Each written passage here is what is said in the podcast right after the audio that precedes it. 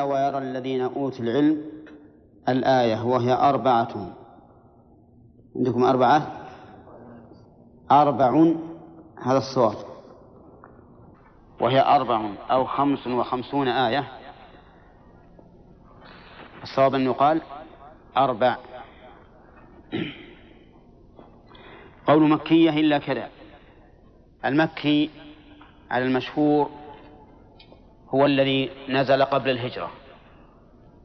والمدني ما نزل بعد الهجرة. فيعتبرون فيعتبر الجمهور المكي والمدني بالزمن لا بالمكان. فما كان بعد الهجرة فهو مدني وما كان قبلها فهو مكي. وقوله إلا ويرى الذين أوتوا العلم سبق لنا أنه لا يقبل استثناء شيء من السور المكية والمدنية إلا بدليل أي أنه إذا كانت السورة مكية فجميع آياتها مكية إلا بدليل وإذا كانت مدنية فجميع آياتها مدنية إلا بدليل. فاستثناء المؤلف هذه الآية ننظر إن شاء الله تعالى إذا وصلناها إذا كان هناك دليل يدل على أنها نزلت في المدينة قبلناه وإلا فلا. قال الحمد لله قبل بسم الله الرحمن الرحيم. البسملة تقدم أنها آية مستقلة من كتاب الله عز وجل يؤتى بها للفصل أو يؤتى بها لبدء السورة إلا في براءة فإنه ليس فيها بسملة. لأنها لم تنزل بسملة بينها وبين الأنفال فتركت. وسبق لنا أن الجار والمجرور متعلق بمحذوف لأن كل جار ومجرور لا بد أن يتعلق بشيء إذ أن الجار والمجرور معمول وكل معمول فلا بد له من عامل وعليه فكل جار أو ومجرور فإنه لا بد له من متعلق أي من شيء يتعلق به وكذلك الظرف والمتعلق إما أن يكون فعلا أو ما بمعنى الفعل.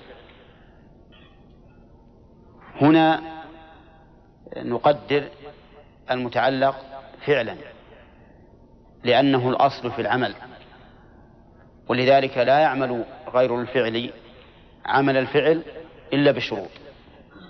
وكل شيء لا يتم عمله إلا بشروط فإن معنى فإنه فإن ذلك لأن الأصل إيش؟ عدمه عدم العمل. انتبه الآن. كل جار ومجرور لا بد له. علل. لأن الجار ومجمور ومجرور معمول. وكل معمول لا بد له من عامل. المتعلق إما أن يكون فعلا أو ما بمعنى الفعل. وهنا نقدره فعلا. لماذا؟ لأنه الأصل. الأصل في العمل الأفعال.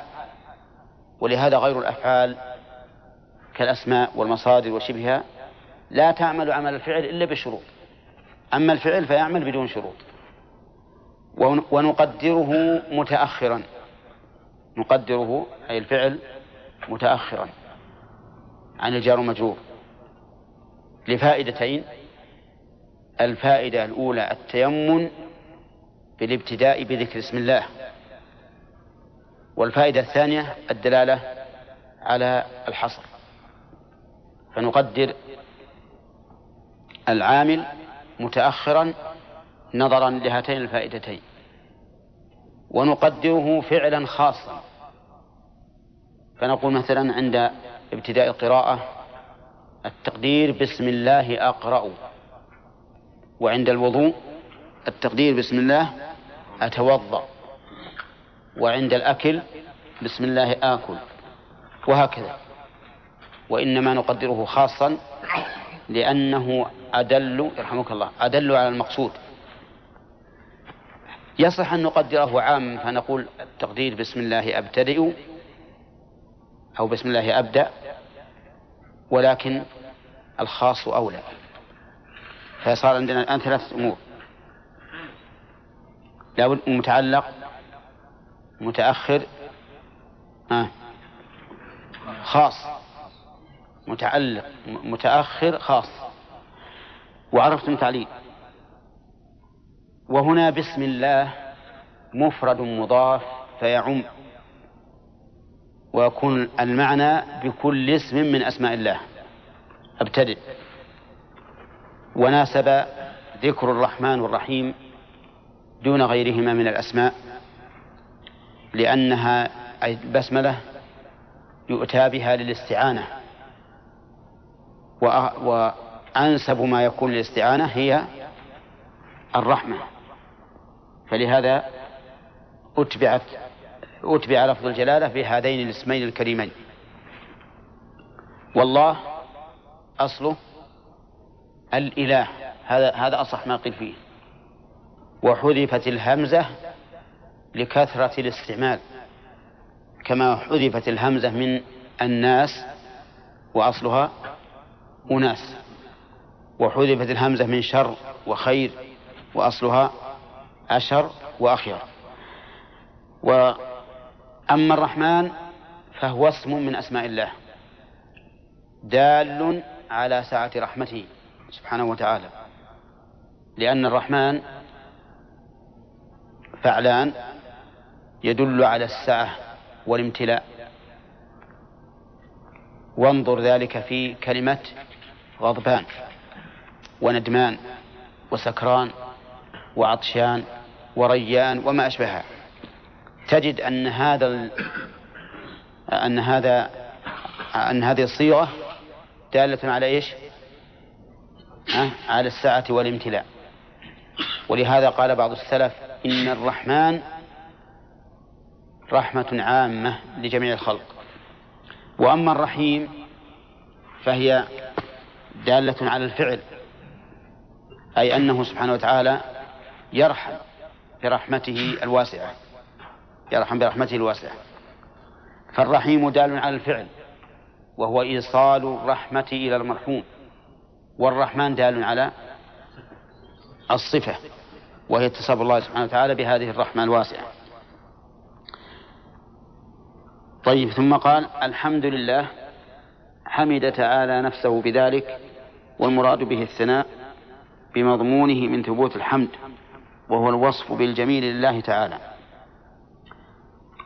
قول الحمد لله الذي له ما في السماوات الحمد لله ال يقول المعرب يقول العلماء إنها للاستغراق أي كل حمد. وال التي للاستغراق هي التي يحل محلها. كل. مثل إن الإنسان لفي خسر. أي كل إنسان لفي خسر. وخلق الإنسان ضعيفا أي كل إنسان. فأل يا محمد نور في الحمد لله. استغراق. إذا معناه أن كل حمد فهو لله. كل حمد فهو لله. واللام هنا للاستحقاق والاختصاص. للاستحقاق لأنه لا أحد يستحق أن يحمد لذاته إلا الله عز وجل. والاختصاص لأن الحمد المستغرق لكل المحامد لا يكون إلا لله. يقول المؤلف حمد تعالى نفسه بذلك يعني حمد حمد الله تعالى نفسه بهذا الوصف الذي هو الحمد والمراد به الثناء بمضمونه من ثبوت الحمد. يعني ليس هذا تجديدا لحمد الله ولكنه ثناء على الله تعالى بمضمون الحمد وهو الوصف بالجميل لله تعالى. لو قال المؤلف الوصف بالكمال لكان أعم فالحمد وصف المحمود بالكمال. هذا الحمد. فإن كرر وصفه بالكمال صار ثناء. قال الله تعالى الحمد لله رب العالمين. فيجيب الله حمدني عبدي. الرحمن الرحيم يجيب الله أثنى علي عبدي. والله سبحانه وتعالى يحمد. على ما له من الكمال الذاتي والكمال المتعدي للغير أي على كماله بذاته وعلى كماله بفعله وإحسانه سبحانه وتعالى. فيحمد على الأمرين جميعا. أما غيره فلا يحمد إلا على على فعله إن كان فعله مما يحمد عليه. أما حمد للذات نفسها فهذا لا ما يكون إلا لله. فمثلا إذا حمدنا الله عز وجل على ما له من صفات الكمال كالسمع والبصر والعلم والقدرة والعظمة وما أشبهها فهذا حمد على الكمال الذاتي. وإذا حمد الله تعالى على ما له من الإحسان والإنعام فهو حمد على الكمال المتعدي. إذا حمدناه سبحانه وتعالى على إنزال الغيث وإنزال الكتب وإرسال الرسل ودفع الضرر فهذا حمد على الكمال المتعدي. الحمد لله الذي له ما في السماوات وما في الأرض ملكا وخلقا. الذي له ما في السماوات هذا كالتعليل للحمد. لأن هذا الوصف يدل على العلية أي أي يحمد الله نفسه لأنه مالك لما في السماوات وما في الأرض. وقول له ما في السماوات وما في الأرض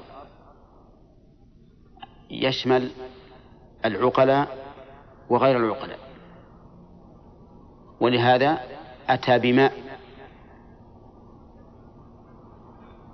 لأجل يشمل هؤلاء وهؤلاء.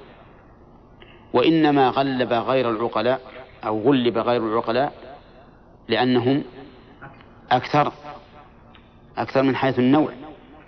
أما من حيث العدد فإن في هذا شكا لأن الملائكة عليهم الصلاة والسلام لا شك أنهم من العقلاء وهم لا يحصيهم إلا الله.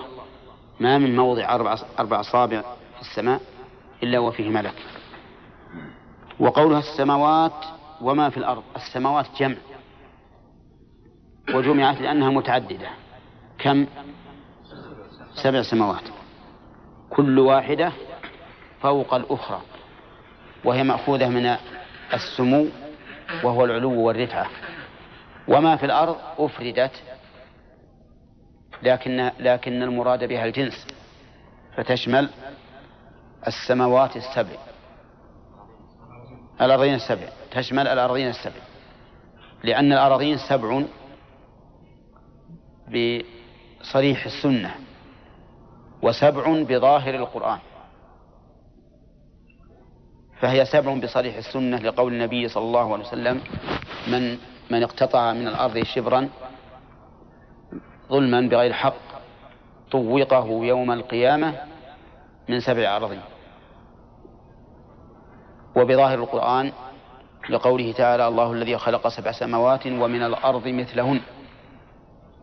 فإن المثلية هنا قطعا ليست بالصفة فتكون بالعدد. وقول المؤلف ملكا وخلقا يعني أنه هو الذي خلقها سبحانه وتعالى وهو المالك لها المدبر. ولو قال المؤلف وتدبيرا لكان أبين وإن كان كلمة ملكا يتضمن التدبير. فالله سبحانه وتعالى له ما في السماوات والأرض خلقا. فلم يخلقها إلا الله. وملكا فلا مالك لها إلا الله. وتدبيرا فلا تدبير لأحد فيها على وجه الإطلاق إلا الله سبحانه وتعالى. وقوله وله الحمد في الآخرة كالدنيا يحمده أولياؤه إذا دخلوا الجنة. قول وله الحمد في الآخرة هنا خص الحمد في الآخرة مع أنه محمود في الدنيا والآخرة.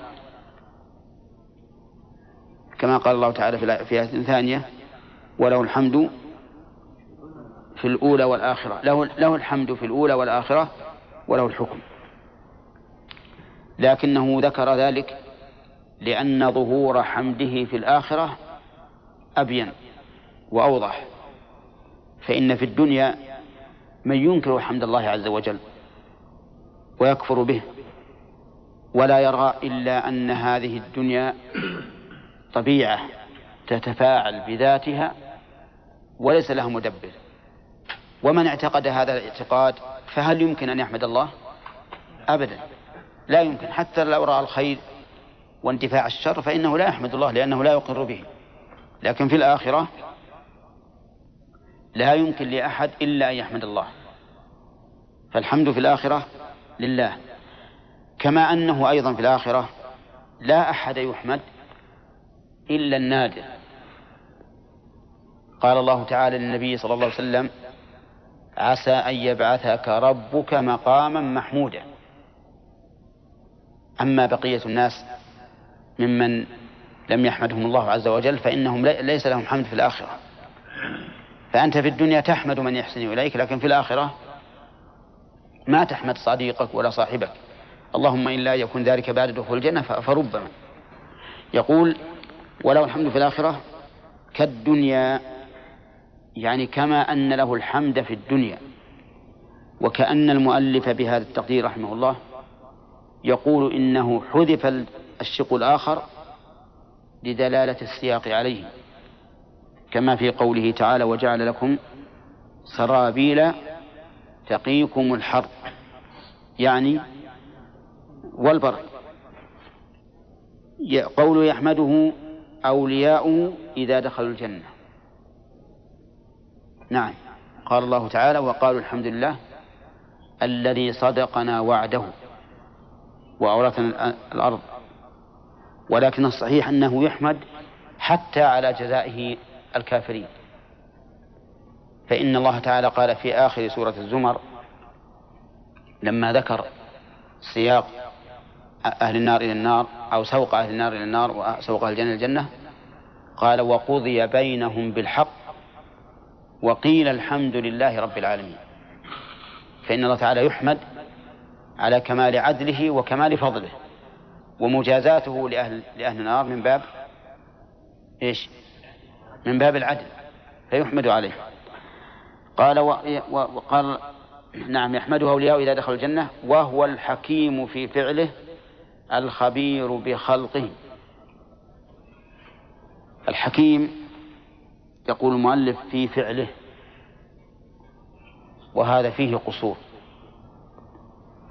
لأنه حكيم في شرعه وفعله أيضا الذي هو القدر. فليست الحكمة خاصة بالفعل بل حتى في الشرع الذي يكون بكلامه. فإن الشرع هو الوحي وهو كلام الله وليس فعل الله بل هو كلام. وكذلك فعله هو حكيم فيه. والحكمة مأخوذة من الإحكام وهو الإتقان. ولهذا يقال في تفسيرها إنها وضع الشيء موضعه. وهذا هو الإتقان. ولكنه سبق لنا أن الحكيم له معنى الحاكم والمحكم لأنها مأخوذة من الحكم ومن الإحكام. وأن حكم الله يا محبوب كم نوعا ها؟ نعم.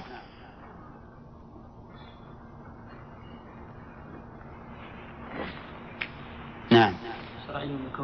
صح. حكم شرعي وكوني. وأن الحكمة نوعان أيضا. نعم. حكم منين؟ أي نعم. نوعان. هي كلها من الإحكام. لا لا ما لها دخل في الحكم. نعم. نعم. صورية وغائية. الصورية بمعنى أن كون هذا الشيء على هذه الصورة المعينة موافق للحكمة. والغائية بأن الغاية من هذا الشيء نعم حكمة يحمد الله عليها. فمثلا كون الصلاة على هذا الوجه والصيام على هذا الوجه والوضوء على هذا الوجه هذه في الأمور الشرعية وكذلك في الأمور الكونية كون خلق خلقة الإنسان على هذا الوجه والشمس والقمر وما أشبه ذلك هذه حكمة صورية بمعنى كون الشيء على هذه الصورة المعينة هذا لا موافق للحكمة. ثم الغاية من ذلك الشيء حكمة أخرى. حكمة أخرى. طيب تكون هذه الحكمة الصورية والغائية في الشرع مش بعد وفي القدر. وإذا ضربت اثنين في اثنين تكون أربعة.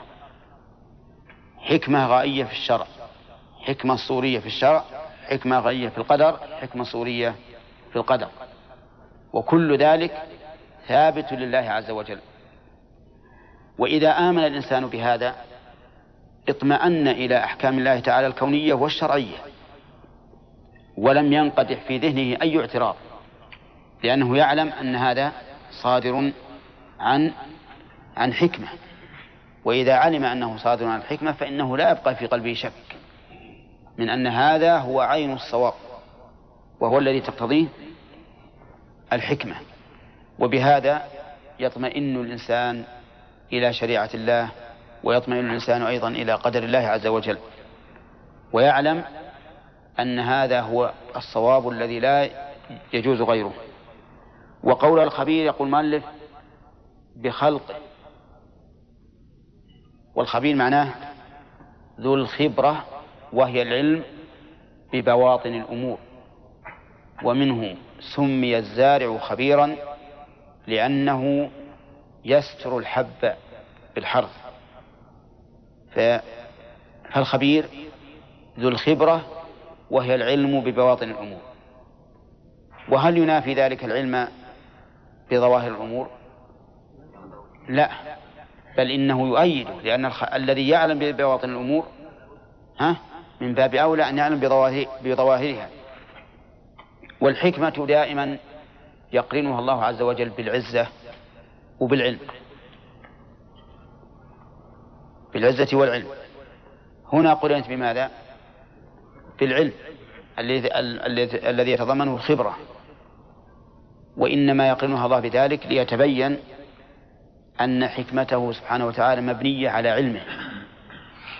وأنه إذا تراءى لك أن هذا الشيء ليس بحكمة فذلك لنقصان علمك.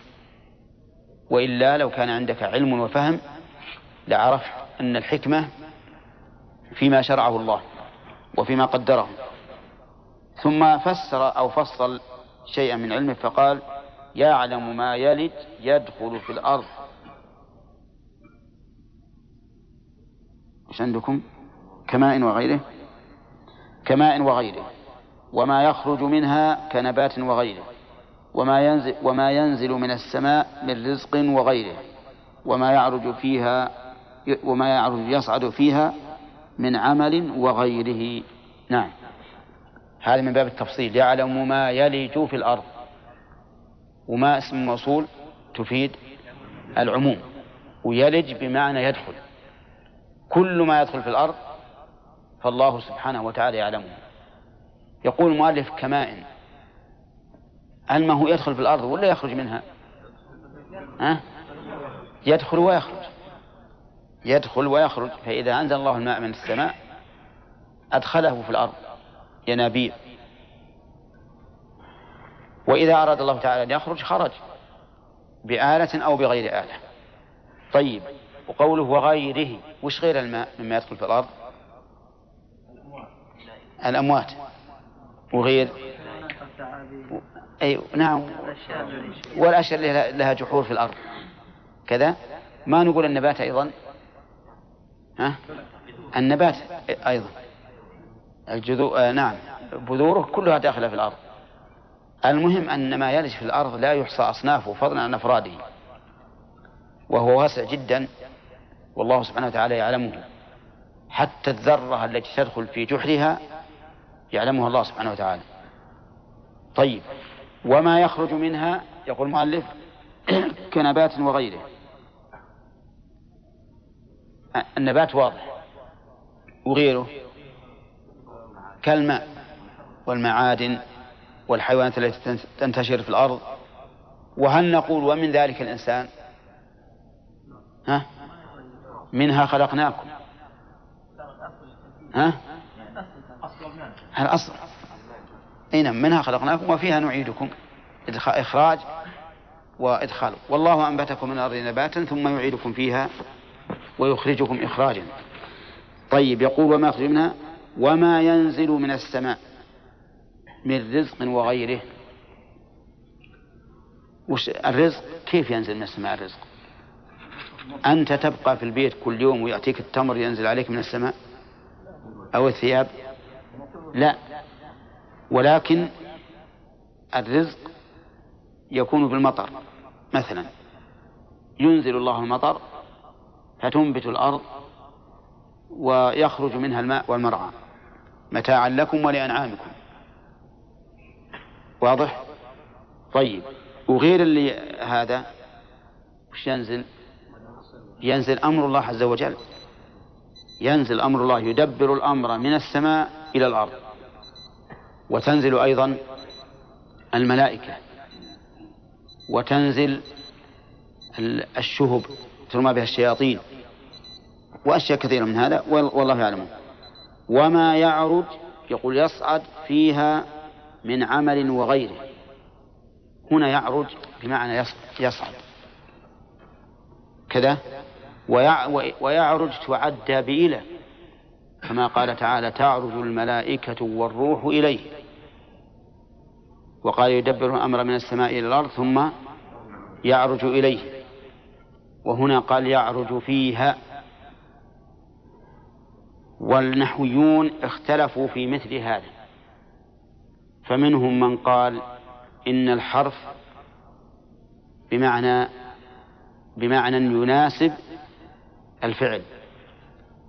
يعني يجعل حرف بمعنى حرف آخر يناسب الفعل. كمثل يقول في بمعنى إلى. ومنهم من يقول بل الحرف باق على معناه الأصلي ويضمن الفعل معنى يناسب ذلك الحرف. وهذا مذهب البصيين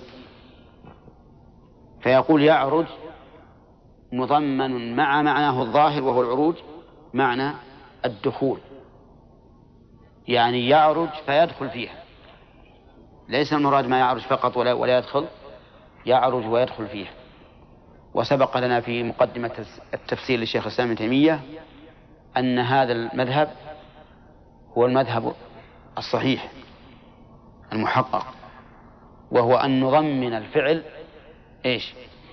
معنى يناسب الحرف لأن هذا التض... ل... نعم. لأن هذا التضمين يجعل للفعل معنيين. أحدهما المعنى الظاهر من اللفظ والثاني المعنى أه الذي تضمنه ليناسب الحرف الذي تعلق به. ويظهر لك ذلك جليا في قوله تعالى عينا يشرب بها عباد الله. يشرب بها عباد الله. معلوم أننا لا نشرب بالعين. مهب آلتنا مهب إناء مهي آلة الشرب؟ أنت تقول أنا أشرب بالإناء صح. لكن يشرب بها وهي عين لا يمكن أن تكون إناء له. يرى بعض العلماء أن نجعل الباب معنى من أي يشرب منها. ويرى آخرون أن أن نضمن يشرب معنى يروى. إذا ضمنا ما يشرب معنى يروى استفدنا فائدتين. الشرب إيش بعد؟ والري. لكن إذا قلنا إن نلبى بمعنى في بمعنى من لم نستفد هذه الفائدة. فالمهم أن المذهب الصحيح هو أننا نضمن الفعل معنى يناسب الحرف ولا نجعل الحرف بمعنى حرف آخر.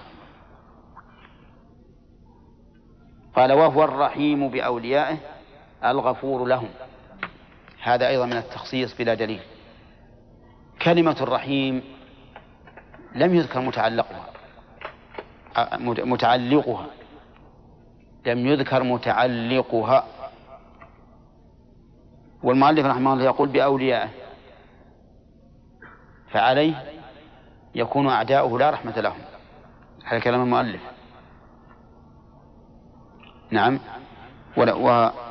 والغفور أيضا لأعدائه لأوليائه فأعداؤه لا مغفرة لهم ولكن الصحيح العموم لأن هذين الاسمين مطلقان فيبقيان على إطلاقهما.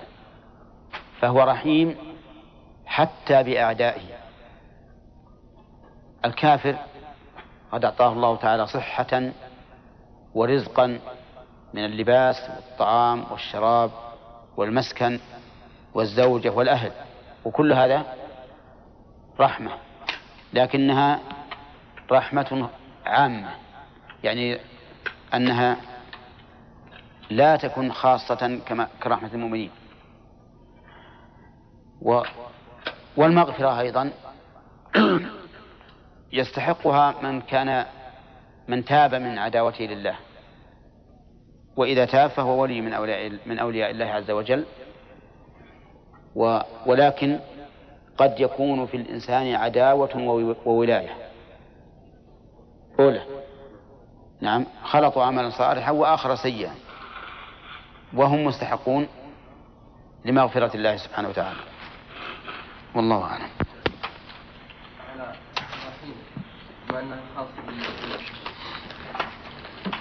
نعم. ها؟ كيف نرسل الكافر هنا؟ لأن يعني اسم الرحيم خاص بالمؤمنين لا عامة عامة. أقول عامة كما قلنا قبل قليل الرحيم معناه تختص بالفعل يعني إيصال الرحمة إلى المرحوم. بعد التوحيد أظن. إي نعم. ما في احتمال إن هذه السبع يعني زيادة في المكان عليه؟ لا لا لا, لا ما ما في احتمال. دعا دخول القرية كيف؟ دخول القرية. إي نعم. لكن تركناه لأن بعض العلماء ضعفه إي نعم. حكيم بمعنى ها؟ بمعنى حاكم. بمعنى حاكم. فهو إذن صيغة مبالغة. فعيل. وإذا كان حكيم بمعنى من أحكم فهو بمعنى محكم. وفعيل تأتي بمعنى مفعل وقد أنشدناكم بيتا سابقا. أمن ريحانة الداعي؟ السميع يعرقني ها؟ الفوائد. آه، من فوائد الآيات السابقة. ثبوت الحمد الكامل لله عز وجل. في قوله الحمد لله إلى آخره. وثانيا أن هذا الحمد الذي ثبت له هو أهل له. لقوله لله لأن اللام كما قلنا للاستحقاق والاختصاص.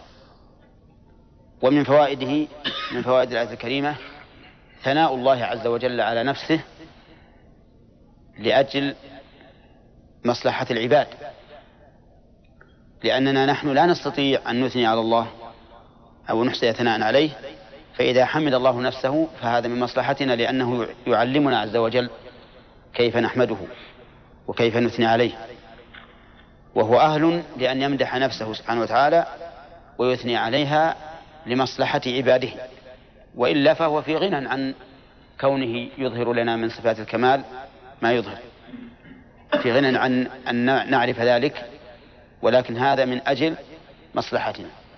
وهذه الفائدة قد تكون مبنية على سؤال مقدر كيف يثني الله تعالى على نفسه؟ وهل مدح الشخص نفسه يعتبر منقبة أم لا؟ فالجواب أن يقال إن الله يمدح نفسه لا لحاجته إلى أن نثني عليه أو أن نعرف كماله لأنه الكامل. لكن من أجل إيش؟ من أجل مصلحتنا. إذ أننا لا نحصي ثناء عليه ولا نعرف ماذا نثني به عليه إلا إلا عن طريق وحيه. ومن فوائد الآية الكريمة عموم ملك الله في قوله الذي له ما في السماوات وما في الأرض. وهنا حمد نفسه على عموم ملكه وقد يحمد نفسه على فعله مثل الحمد لله الذي خلق السماوات والأرض. وقد يحمد نفسه على شرعه مثل الحمد لله الذي خلق السماوات والأرض وجعل الظلمات والنور. الحمد لله الذي أنزل على عبد الكتاب ولم يجعل له عوجا. ومن فوائد الآية الكريمة أن السماوات جمع يعني أكثر من واحد. لقوله ها؟ السماوات. ومن أدلة أخرى قد ثبت أنها سبع وكذلك الأرض. ومن فوائد الآية الكريمة ظهور كمال الله عز وجل يوم القيامة أظهر مما يكون في الدنيا. لقوله وله الحمد في الآخرة. فالملك عام وظهور الحمد جليا واضحا يكون في الآخرة. ومنها ثبوت البعث لقولها الآخرة. ومن فوائد الآية الكريمة إثبات حكم الله عز وجل الكوني والشرعي وإثبات حكمته المتعلقة بالكون. والمتعلقة بالشرع. ويتفرع على هذه القاعدة وجوب التسليم لقضائه الكوني والشرعي بحيث لا نورد أي اعتراض حتى وإن خالف ما ظاهره خلاف الحكمة حتى وإن جاء على ما ظاهره خلاف الحكمة فإنه يجب أن نتهم إيش؟ عقولنا. لأنه إذا ثبت أنه سبحانه وتعالى حكيم في في الحكمين الكوني والشرعي لازم من ذلك التسليم للقضاء الكوني إيش؟ والشرعي. لأنه صادر عن حكمة. لكن هذه الحكمة قد تخفى علينا. ومن فوائد الآية الكريمة عموم علم الله.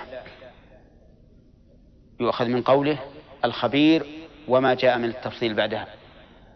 لأن الخبير هو العالم بالبواطن والعالم بالبواطن عالم بالظواهر. ومن فوائدها إثبات هذين الاسمين الكريمين لله عز وجل وهو وهما الحكيم الخبير. طيب ومن فوائد الآية الكريمة أن من الأساليب البلاغية الإجمال ثم التفصيل. لقوله الخبير يعلم إلى آخره. وفائدة هذه الطريقة البلاغية هو أن الشيء إذا جاء مجملا تشوفت النفوس إلى تفصيله فجاء التفصيل واردا على نفوس تتطلع إليه. فإذا ورد التفصيل على نفوس تتطلع إليه كان أوقع في النفس وأرسخ في القلب. أليس كذلك؟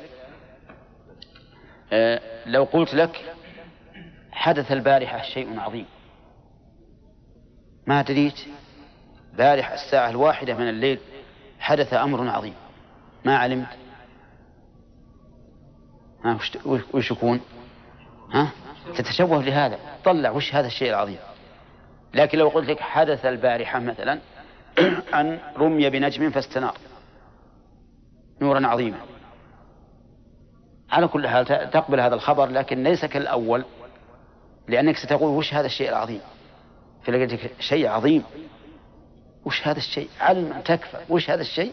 حتى يرد على قلبك وقد ها؟ تشوفت إليه كثيرا. نعم. ومن فوائد الآية الكريمة تمام تمام تصرف الله سبحانه وتعالى في مخلوقاته هذا يلج وهذا يدخل وهذا ينزل وهذا يعرج. يعلم ما يجري في الأرض وما يخرج منها وما ينزل من السماء وما يعرج فيها. ومن فوائدها وهي فائدة بلاغية البداءة بما يماس الإنسان وإن كان غيره أشرف منه. آه. لأنك تتحدث عما يجري في الأرض ويخرج منها قبل التحدث عما ينزل من السماء وما يعرج فيها طيب هنا هذه الفائدة بناء على أن السماء أشرف من الأرض وهل هذا مسلم؟ ها؟ لا لا تستعجلون هل هو مسلم أن السماء أشرف من الأرض أو الأرض أشرف من السماء؟ نعم هذا نعم في خلاف بين العلماء فيه جدل كثير. منهم من يرى أن السماء أشرف.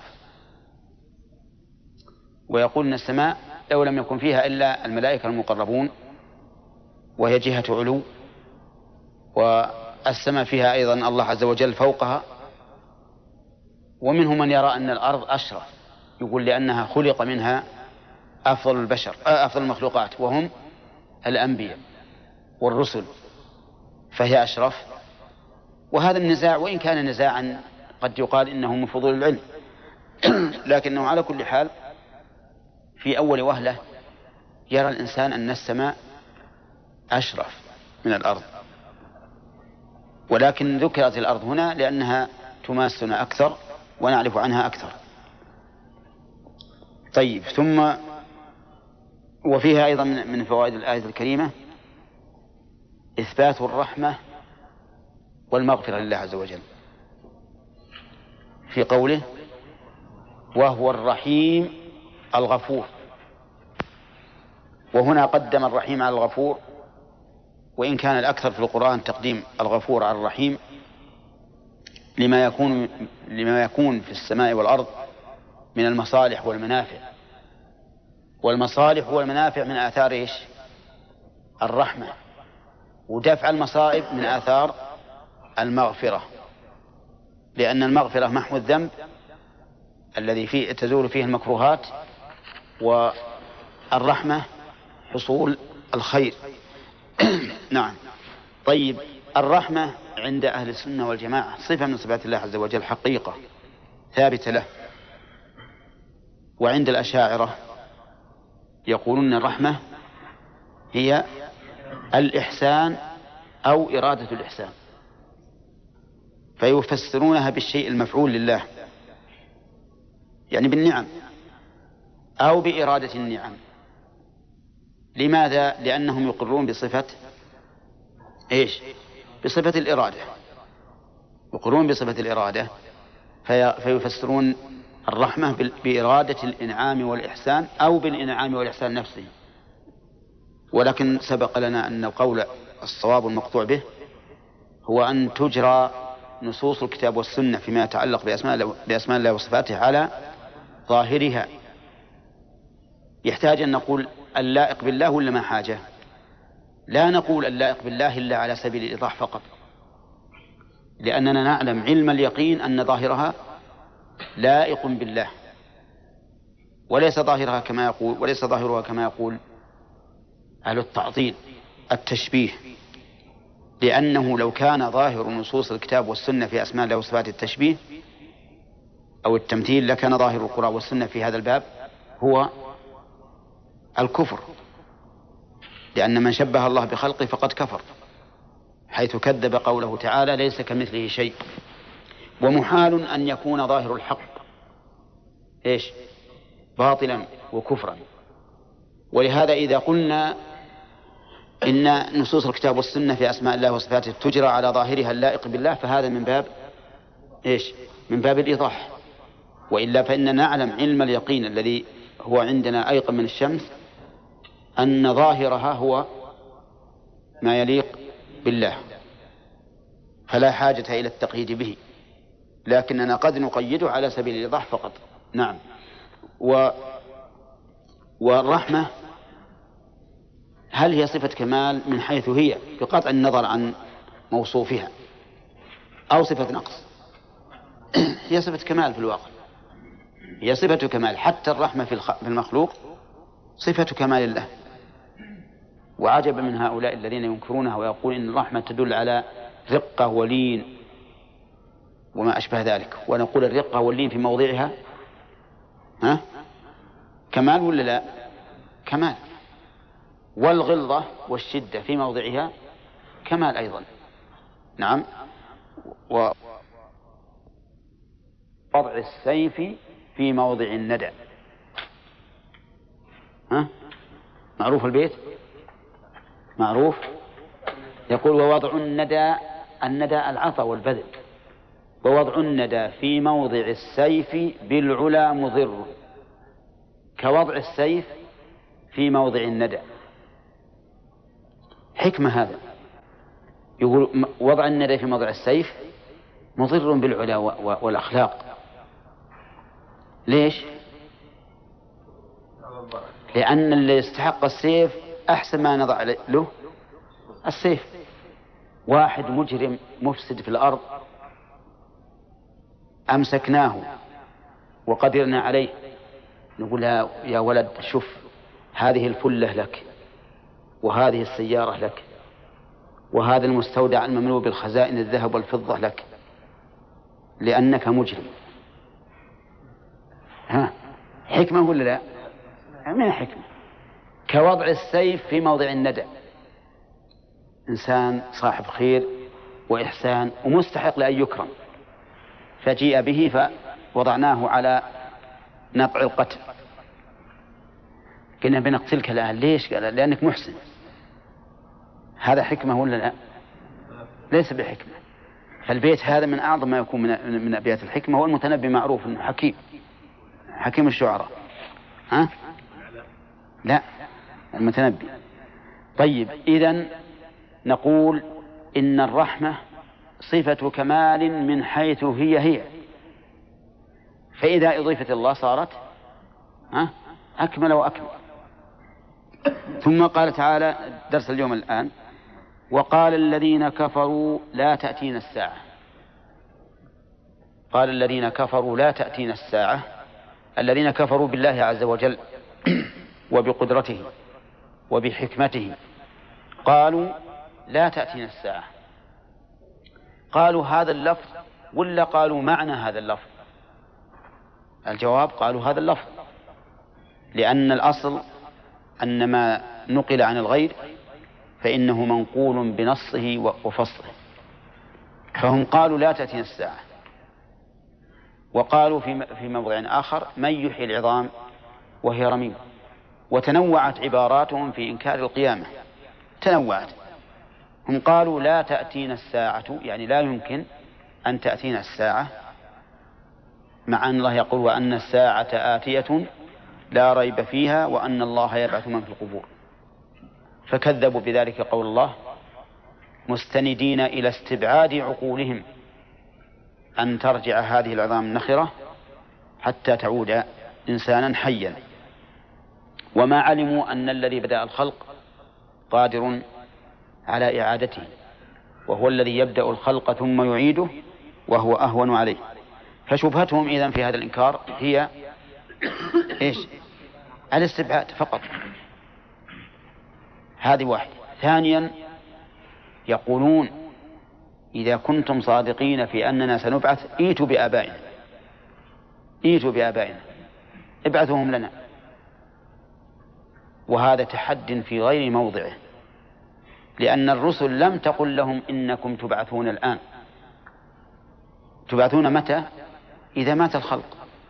إذا انتهت الخلائق ومات الخلق كلهم بعثوا. فهذا التحدي في غير موضعه. هذا التحدي في موضعه لو كانت الرسل تقول إن الناس سيبعث أولهم الآن مع وجود آخرهم صح أن يقال ائتوا بآبائنا إن كنتم صادقين. أما وقد قالت إنهم سيبعثون بعد أن يفنى الخلق كله ممن سيبعث فهذا ليس في التحدي. المهم إذا شبهتهم الاستبعاد والتحدي في غير موضعه حيث قالوا إيتوا بآبائنا. يقول الله عز وجل قل بلى وربي لتأتينكم. بلى هذه يؤتى بها لإبطال النفي.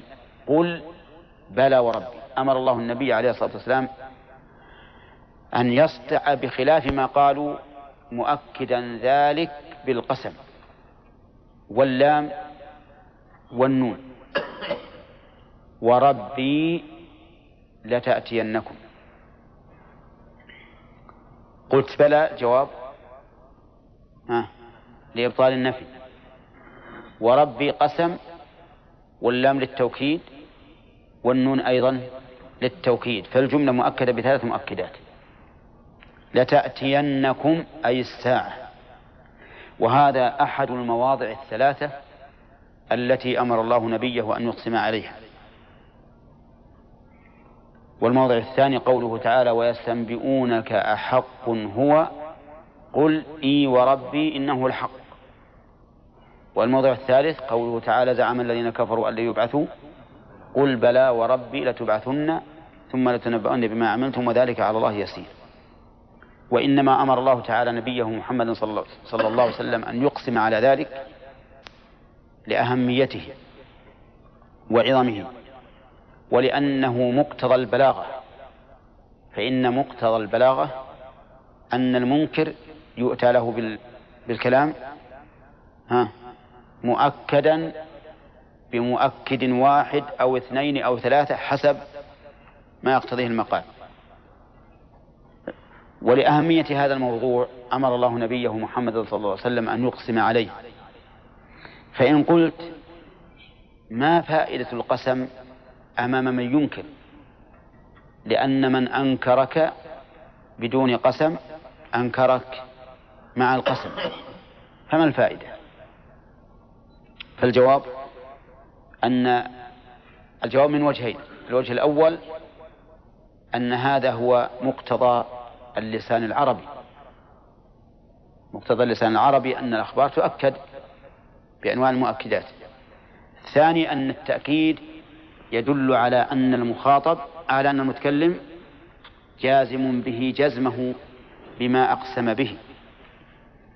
جازم بهذا المقسم عليه جزمه بما أقسم به. فكما أننا جازمون بالله عز وجل بوجوده وكماله فنحن جازمون أيضا بما أقسم عليه وهو إتيان الساعة. قال قل بلى وربي لا تأتينكم عالم الغيب. طيب عالم.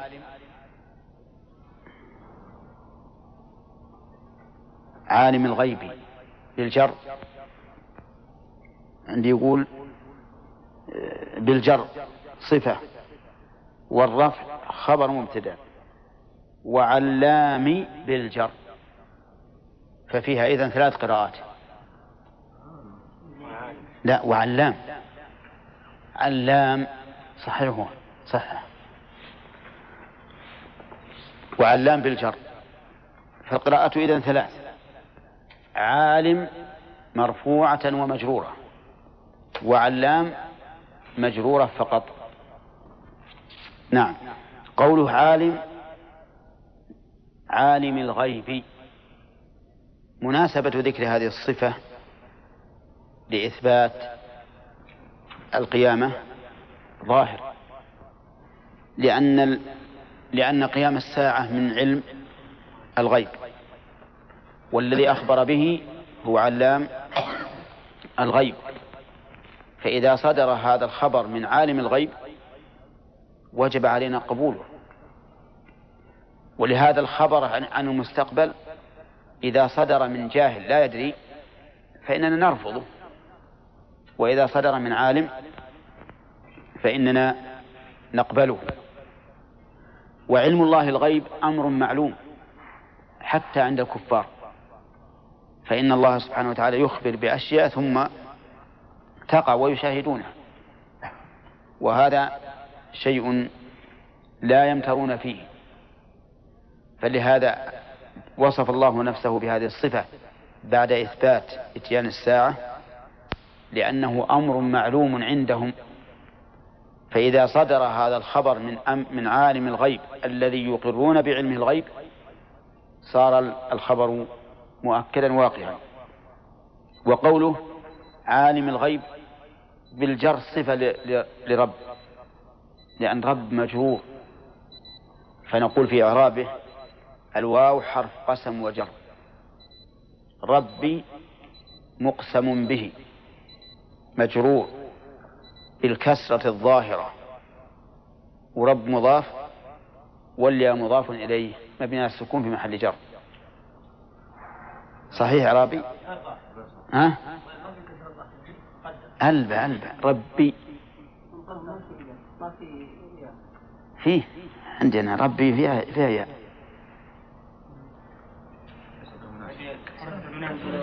أي إذا مبني على يكون معرب مجرور بكسرة مقدرة على ما قبل ياء المتكلم منع من ظهورها اشتغال المحل بحركة مناسبة.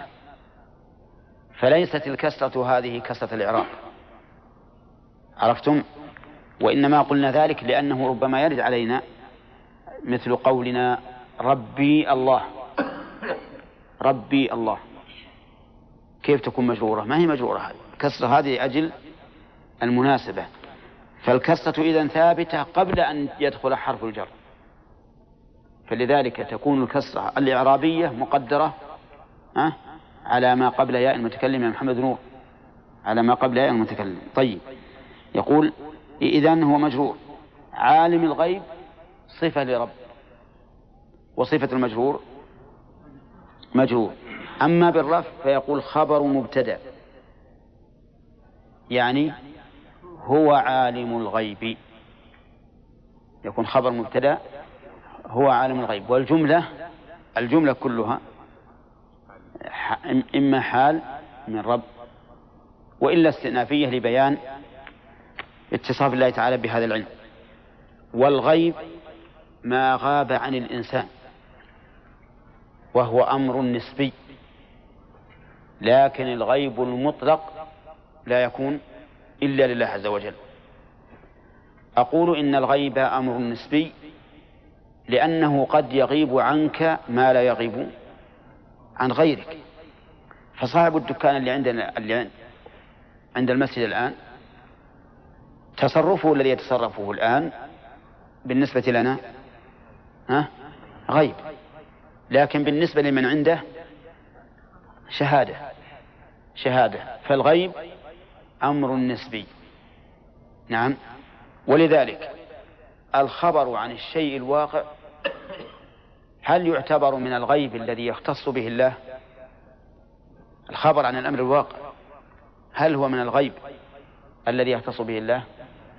لا. لأنه يعلمه من وقع عنده وحدث عنده. لكن الغيب المستقبل هذا هو الذي من خصائص علم الله عز وجل. ولهذا من ادعى علم الغيب في المستقبل صار مكذبا لقول الله تعالى قل لا يعلم من في السماوات والأرض الغيب إلا الله. ومن ادعى علم غيب واقع. فهذا الغيب ليس غيبا مطلقا ولكنه غيب نسبي. غيب نسبي. يعلمه من من من شاهده ولا يعلمه من من لم يشاهده. من لم يشاهده فغيب الله في قول عالم الغيب يشمل الأمرين ولا يشمل المستقبل فقط؟ يشمل الأمرين لأن كل ما حدث ولو في أزمان بعيدة جدا فالله عالم به وكل ما سيحدث فالله عالم به. فالغيب المطلق للواقع والمنتظر هذا من خصائص علم الله. والغيب المقيد بالواقع. هذا إيش؟ ليس من خصائص الله. ليس من خصائص علم الله بل هو حاصل لكل من شاهده.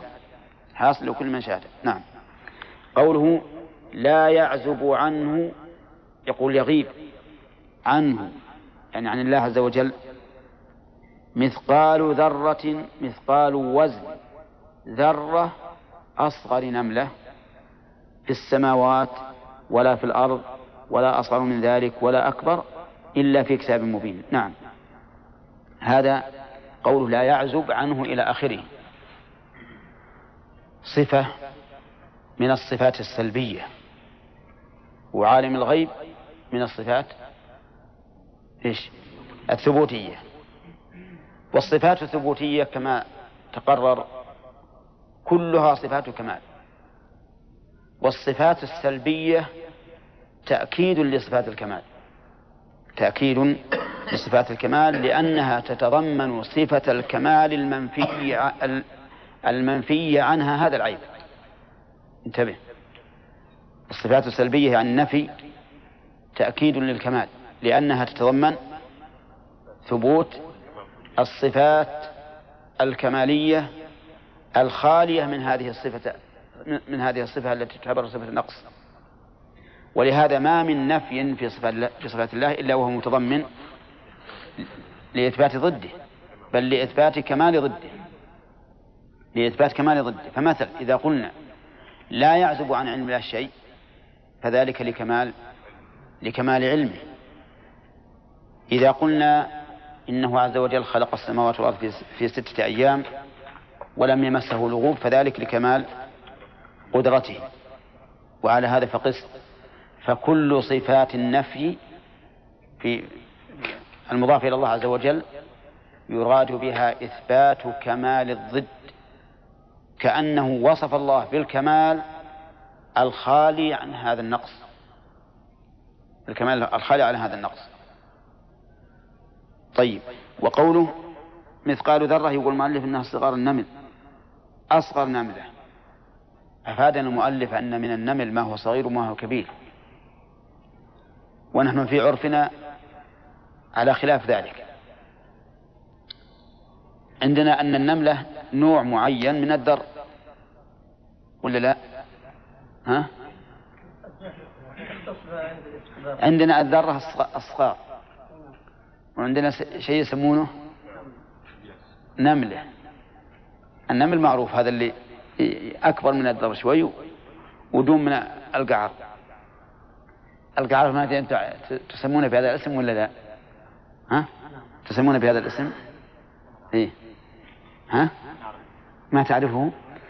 يمكن تقرأ يوم من الأيام تعرفه إن شاء الله. هي يقولون إن هذه النم... القعر هذه من أعند ما يكون. يضرب بها المثل في العناد. لأنك تزحزح عنك ولكنها ترجع. ثم إذا مسكت ثوبك ولا جلدك ما يمكن تنفك تنقطع ولا تنفك سبحان الله. من عنادها إذا أمسكت بالثوب يعني عضته بقرنيها ولا ولا الجلد ما ما تزحزح أبد. تجي تبي تزيلها تنقطع. وفي أيضا اللي يسمونها عندنا القعس. لكن هذه أنواع لجنس أنواع لجنس بالواقع. كلها تسمى نمل. كلها نمل. نعم وكلها ذر. ولهذا نهي الرسول صلى الله عليه وسلم عن قتل النمل. يشمل هذا كله. إي نعم. والله. طيب قوله إلا في كتاب مبين في وهو اللوح المحفوظ. هل في هذا علم؟ ولا أصل من ذلك ولا أكبر إلا في كتاب مبين. نعم نقول فيه إثبات العلم. لأنه لا كتابة إلا بعد إلا بعد العلم. كتابة المجهول لا تتصور فيكون فيه فائدة زائدة على إثبات العلم وهو أن معلوم الله عز وجل مكتوب في اللوح المحفوظ. وسيأتي إن شاء الله بقية كلام الآية. لا ما يدل على هذا. قد يعرج الشيء ولا يصل إلى السماوات ولا يدخل فيها. فروح الكافر مثلا تغلق عنها أبواب السماء ما تدخل. وهي تعرج. نعم. إيه؟ الواقع اللي حادث مثلا. طيب لو مثلا قال قائل أن الجنة وما فيها شيء واقع. نعم. هذا ما يختص يعني ما يختص بعلم الله سبحانه لا ابدا. إحنا نعلم الجنة من وجه ونجهله من وجه المسميات نعم. نعرف الأسماء منها دون علم اي ما بشك هذا علم واقع. نعرف أن هناك جنة الآن وفيه نار وفيها ما, ما ذكر في من النعيم أو من العذاب. صحيح لأن, لأن ما بشر عندما ن... الآن لو يعلمك إنسان بخبر واقع في في بلادك مثلا. نعم. بل في بيتك الآن اللي أنت فيه. تعرف الاسم تعرف المعنى لكن ما تعرف الحقيقة كما هي إلا إذا شاهدته. نعم. هنا نعم. بسم الله والحمد لله والصلاة والسلام على رسول الله. الثالث بيان ما يلزم على نفي من اللوازم الباطلة فإن فساد اللازم يدل على فساد الملزوم الرابع أن النصوص الواردة في الصفات لا تحتمل التأويل. وإن احتملت وإن احتملت بعضها بعضها فليس فيه ما يمنع إرادة الظاهر فتعين المصير إليه. الخامس أن دعوى هذه وقال الذين كفروا لا تأتينا الساعة. أين مقول القول في فيه أيضا قبل أخذ الفوائد أمر الله نبيه صلى الله عليه وسلم أن يقسم هنا بأن الساعة تأتيهم. هل لها نظير في القرآن؟ هل لها نظير في القرآن؟ لا لا الأقسام على هذا المعنى نفسه. الأقسام على هذا المعنى. نعم. ثم يتنبؤون بما عملتم وذلك على الله يسير. فيه موضع ثالث أيضا أمر الله نبيه بالقسم به. ها؟ لا. أمر الله نبيه أن يقسم. ها؟ قل إي وربي إنه الحق. طيب. طيب الفوائد الآن. من فوائد هذه الآية الكريمة إنكار الكافرين للبعث. إنكار الكافرين للبعث. لقولهم لا تأتينا الساعة. ومن فوائدها أن إنكار البعث كفر. أن إنكار البعث كفر. لقوله وقال الذين كفروا. فإن قلت ما وجه الدلالة؟ فالجواب أن وجه الدلالة أنه لولا أن لهذا الوصف تأثيرا لما قاله الله تعالى بهذا الوصف لقال وقالوا لا تأتينا الساعة. فلما قال وقال الذين كفروا علم أن هذا القول لا يصدر إلا عن عن من؟ عن كافر. وقال الذين كفروا. ومن فوائد الآية الكريمة أنه آآ آآ نعم ومن فوائد الآية الكريمة تعظيم شأن القيامة لقوله لأمر الله نبيه لأمر الله نبيه محمدا صلى الله عليه وسلم أن يقسم على أنها ستقع. قل بلى وربي لتأتينكم. ومن فوائد الآية الكريمة كمال رحمة الله عز وجل بعباده حيث أخبرهم بالبعث وأكده بالمؤكدات اللفظية والمعنوية والحسية أيضا. لأن الإيمان بالبعث هو الذي يحمل الإنسان على القيام بطاعة الله. إذ لو, لو, لو لم يكن هناك بعث ما عمل الإنسان للآخرة أبدا.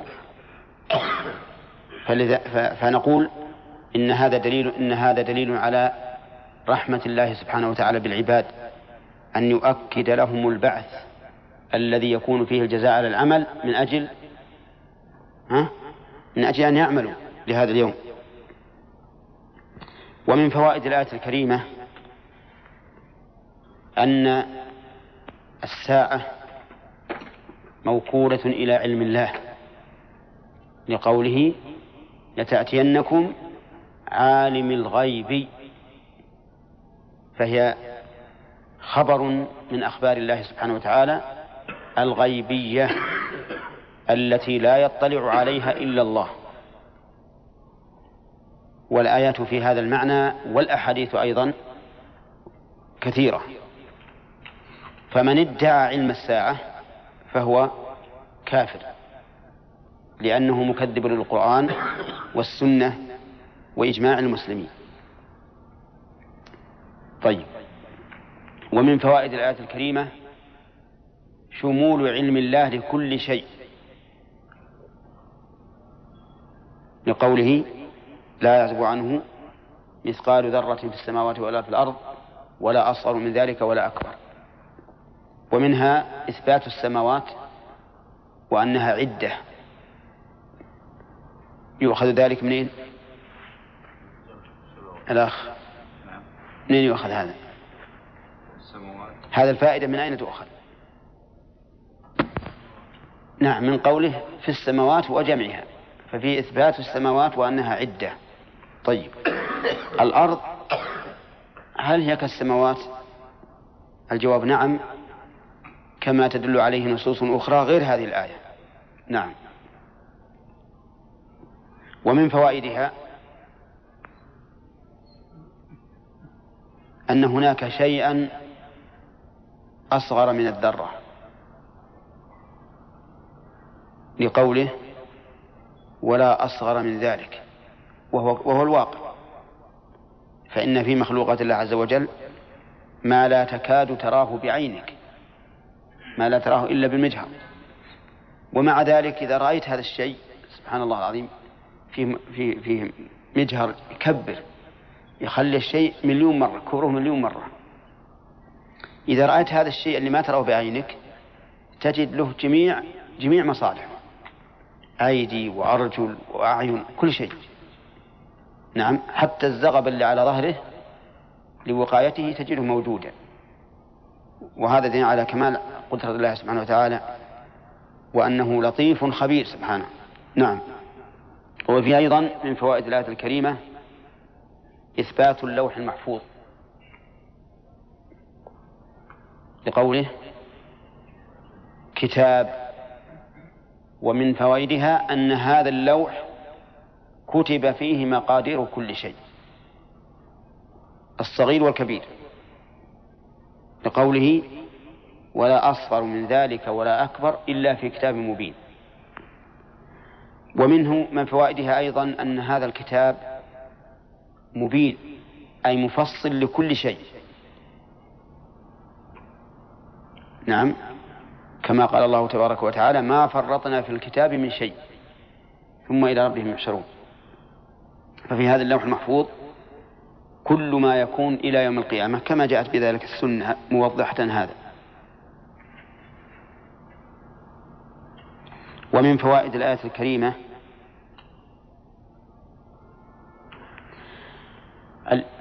إباحة القسم بل وجوبه إذا دعت الحاجة إليه. من أين يؤخذ؟ من أمر الله نبيه أن يقسم إيش؟ على قيام الساعة. قل بلى وربي لتأتينكم. ولهذا نجد بعض الأئمة رحمهم الله إذا ذكروا حكم مسألة من المسائل أحيانا يقسمون عليها. أحيانا يقسمون عليها. وهذا يوجد في كلام الإمام أحمد وربما في كلام غيره لكن لم نطلع عليه. فإنه أحيانا يسأل هل تقول بكذا وكذا؟ فيقول إي والله. إي والله. فيقسم على الشيء تثبيتا له وتأييدا وإيحاء بطمأنينته إليه بالنسبة للمخاطب. وعلى هذا فيجوز للمفتي أن يحلف على الحكم إذا دعت الحاجة إلى ذلك. بل قد يكون ذلك واجبا حسب ما تقتضي الحال. طيب قوله قل بلى ورب هل يستفاد من هذه الآية الكريمة أن الخطاب الخاص بالرسول صلى الله عليه وسلم يشمله والأمة ليس فيها دلالة ظاهرة على هذا ولكنه سبق لنا أن الخطاب الموجه إلى الرسول صلى الله عليه وسلم ينقسم إلى لا ها؟ إلى ثلاث أقسام قسم فيه الدلالة الصريحة على أن المراد به الأمة يعني مع الرسول صلى الله عليه وسلم والقسم الثاني دلالة صريحة على أنه خاص بالرسول صلى الله صلى الله عليه وسلم. والقسم الثالث ما ليس فيه دلالة ولا قرينة فهذا مختلف فيه عند أهل العلم. هل هذا الخطاب الموجه للرسول عليه الصلاة والسلام يشمل الأمة بمقتضى الصيغة أم يشمل الأمة بمقتضى الأسوة؟ طيب مثال الذي فيه الدلالة على أنه خاص بالرسول عليه الصلاة والسلام. مثل ألم نشرح لك صدرك ووضعنا عنك وزرك؟ فهذا بلا شك خاص ها بالرسول عليه الصلاة والسلام. ومثال ما قام الدليل على العموم قوله تعالى يا أيها النبي إذا طلقتم النساء. يا أيها النبي إذا طلقتم فهنا ففي قوله إذا طلقتم دلالة واضحة على أن الخطاب للرسول صلى الله عليه وسلم مرادا به الأمة أيضا.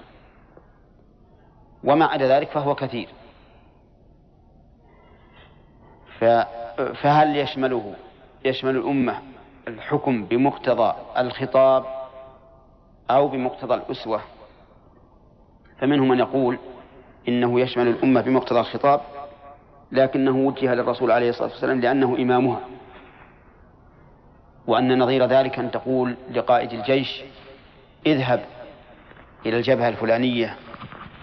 فالمراد اذهب ومن ومن معك من يتبعك من الجنود. ومنهم من يقول إنه خاص بالرسول عليه الصلاة والسلام لا يشمل الأمة لكن الأمة مأمورة بالتأسي به. لقد كان لكم في رسول الله أسوة حسنة لمن كان يرجو الله واليوم الآخر وذكر الله كثيرا. والخلاف في هذا قريب من من اللفظ للاتفاق على أن هذا الحكم يشمل الأمة. طيب. إذا لو سمعنا شخصا ينكر الساعة لنا أن نحلف أو هل, هل نحن مأمورون أن نحلف على ثبوتها؟ ها؟ نعم. مأمورون بأن نحلف على ثبوتها. ومن فوائد الآية الكريمة ومن فوائد الآية الكريمة تأكيد الحكم على حسب ما تقتضيه الحال. أو بعبارة أصح تأكيد الخبر على حسب ما تقتضيه الحال. وقد ذكر البلاغيون أن الخبر ينقسم إلى ثلاثة أقسام. إما أن يلقى إلى خالي الذهن أو إلى المتردد أو إلى المنكر. فإن ألقي إلى خالي الذهن فإنه لا حاجة إلى تأكيده ولا يمكن أن يؤكد حسب قواعد البلاغة إلا لنكتة. وإن ألقي إلى متردد حسن توكيله ليزول عنه هذا التردد والشك. وإن ألقي إلى منكر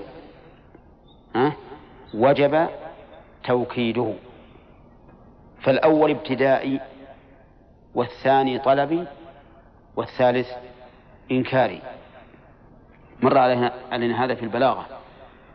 هذه المسألة تأكيد هذا الخبر. قل بلى وربي لتأنكم. من أي الأقسام الثلاثة؟ الإنكاري أو الطلبي أو الابتدائي؟ الإنكاري. لأنه يخاطب به قوم منكرون فكان تأكيده واجبا. ذكرنا أثناء الشرح إيرادا وهو أنه إذا كان هؤلاء منكرين فلا فائدة من القسم لهم لأن المنكر للخبر سواء أقسمت أو أم لم تقسم ما هو مصدقك وأجبنا عن ذلك. نعم. طيب. الثاني أن يبين صدق اعتقاد هذا الشخص أنه مستيقن من وقوع هذا الشيء وهو يقصد. كما استيقن من وجود المحلوف به. محلوف به. نعم. نبدأ الدرس الآن. ها؟ في, في سؤال هذا الشيء قال حسن في الجنة. حسن. كيف؟ قوله الشيخ حسن في الجنة. أيوة نعم. ليجزي الذين آمنوا. طيب. إحنا شارحين ذي ما شرحنا. نعم. لا تجعلوا الله عرضة لأيمانكم. كم الآية كم له أن تبروا وتتقوا أصح ما قيل فيها أن المعنى لا تجعلوا اليمين مانعا لكم من فعل البر والتقوى والإصلاح بين الناس. لا تجعلوا عرضة في كذا وكذا. هذا أصح ما قيل فيها. طيب فيها يقول الأخ طيب فيها أيضا ليجزي الذين آمنوا وعملوا الصالحات أولئك لهم مغفرة ورزق كريم. محل هذه الآية من ما قبلها في المعنى. أو اللام في قوله ليجزي متعلقة بماذا؟ من؟ إحنا ما فسرناها. ها. قال الله تعالى ليجزي الذين آمنوا وعملوا الصالحات. قال ليجزي فيها. فيها الضمير يعود على الساعة. ليجزي. اللام هنا للتعليل. وقد علمنا من قواعد اللغة العربية أن حروف الجر لا بد لها من متعلق. فأين متعلق هذه اللام؟ متعلق هذه اللام قوله لتأتينكم. أي لتأتينكم ليجزي الذين. فهذه هذا هذه اللام للتعريف وهي متعلقة بقوله ها؟ لتأتينكم. ويجزي بمعنى يكافئ أو يثيب. والفاعل هو الله سبحانه وتعالى. وقوله فيها أشار المؤلف بقوله فيها إلى أن الجار المجرور متعلق بتأتينكم لأن الضمير في قوله فيها يعود على الساعة ليجزي فيها الذين آمنوا وعملوا الصالحات. آمنوا بالقلب وعملوا الصالحات بالجوارح. والإيمان إذا أطلق شمل الأعمال الظاهرة أعمال الجوارح. وكذلك العمل إذا أطلق يشمل الإيمان بالقلب لأن الإيمان بالقلب من أعمال القلوب. فإذا قرنا جميعا صار الإيمان في القلب والعمل في الجوارح. الإيمان سر والعمل علانية. وقوله آمنوا الإيمان في اللغة التصديق. وفي الشرع التصديق المستلزم للقبول والإذعان. ليس مجرد تصديقا مجرد تصديق بل هو التصديق المستلزم إيش؟ للقبول والإذعان. القبول في الأخبار والإذعان في الطلب. فيقبل مثل ما أخبر الله به ورسوله ويقبل كون هذا الحكم فرضا وكونه تطوعا وما أشبه ذلك. ويذعن لهذا لذلك بمعنى أنه يتعبد لله بمقتضى ما آمن به وبمقتضى ما شرعه الله سبحانه وتعالى. وفي قولها الذين آمنوا وعملوا الصالحات عملوا الصالحات يعني عملوا الأعمال الصالحات. فتكون الصالحات وصفا لموصوف محذوف. وحذف المنعوت جائز إذا قامت القرينة عليه. قال ابن مالك وما من المنعوت والنعت عقل. يجوز حذفه وفي النعت يقل. ومن حذف المنعوت قوله تعالى أن اعمل سابغات أي دروعا سابغات. فعلى هذا تكون الصالحات صفة لموصوف محذوفة أي الأعمال الصالحات. وما هي الأعمال الصالحات؟ العمل الصالح هو الذي جمع بين أمرين. الإخلاص لله سبحانه وتعالى والمتابعة للرسول صلى الله عليه وسلم. فإن فقد الأول لم يكن صالحا وكان مردودا على العامل وإن فقد الثاني لم يكن صالحا وكان مردودا على العامل أيضا. الدليل في الأول قال الله تعالى في الحديث القدسي أنا أغنى الشركاء عن الشرك من عمل عملا أشرك فيه معي غيري تركته وشركه. وفي الثاني قال النبي صلى الله عليه وسلم من عمل عملا ها ليس عليه أمرنا فهو رد. أو من أحدث في أمرنا هذا ما ليس منه فهو رد. فلا يمكن أن يكون العمل صالحا إلا بهذين الشرطين الإخلاص والمتابعة للرسول صلى الله عليه وسلم. لو أن رجلا أحدث بدعة من بدع من البدع يتدين بها لله سبحانه وتعالى ويجد من من قلبه الاطمئنان إليها والخشوع والبكاء لكنها محدثة في دين الله. هل تكون عملا صالحا؟ ما تكون. حتى وإن زين للإنسان هذا العمل واطمأن إليه فإنه ليس من العمل الصالح فلا يكون مقبولا ولا نافعا بل يأثم به الإنسان. لأنه من التقرب إلى الله تعالى بما يكرهه. والتقرب إلى الله تعالى بما يكرهه نوع من الاستهزاء بالله عز وجل. أرأيت لو أنك أتيت لشخص ملك من الملوك وأهديت إليه قارورة فيها ما ما تريد أن تذهب به إلى التحليل هل تكون مكرما له؟ ها؟ ولا لا؟ عجيب. لا. لأن هذا هو يكره هذا الشيء. كيف تقول أهدي إليه طيبا جرة طيب؟ لا بأس.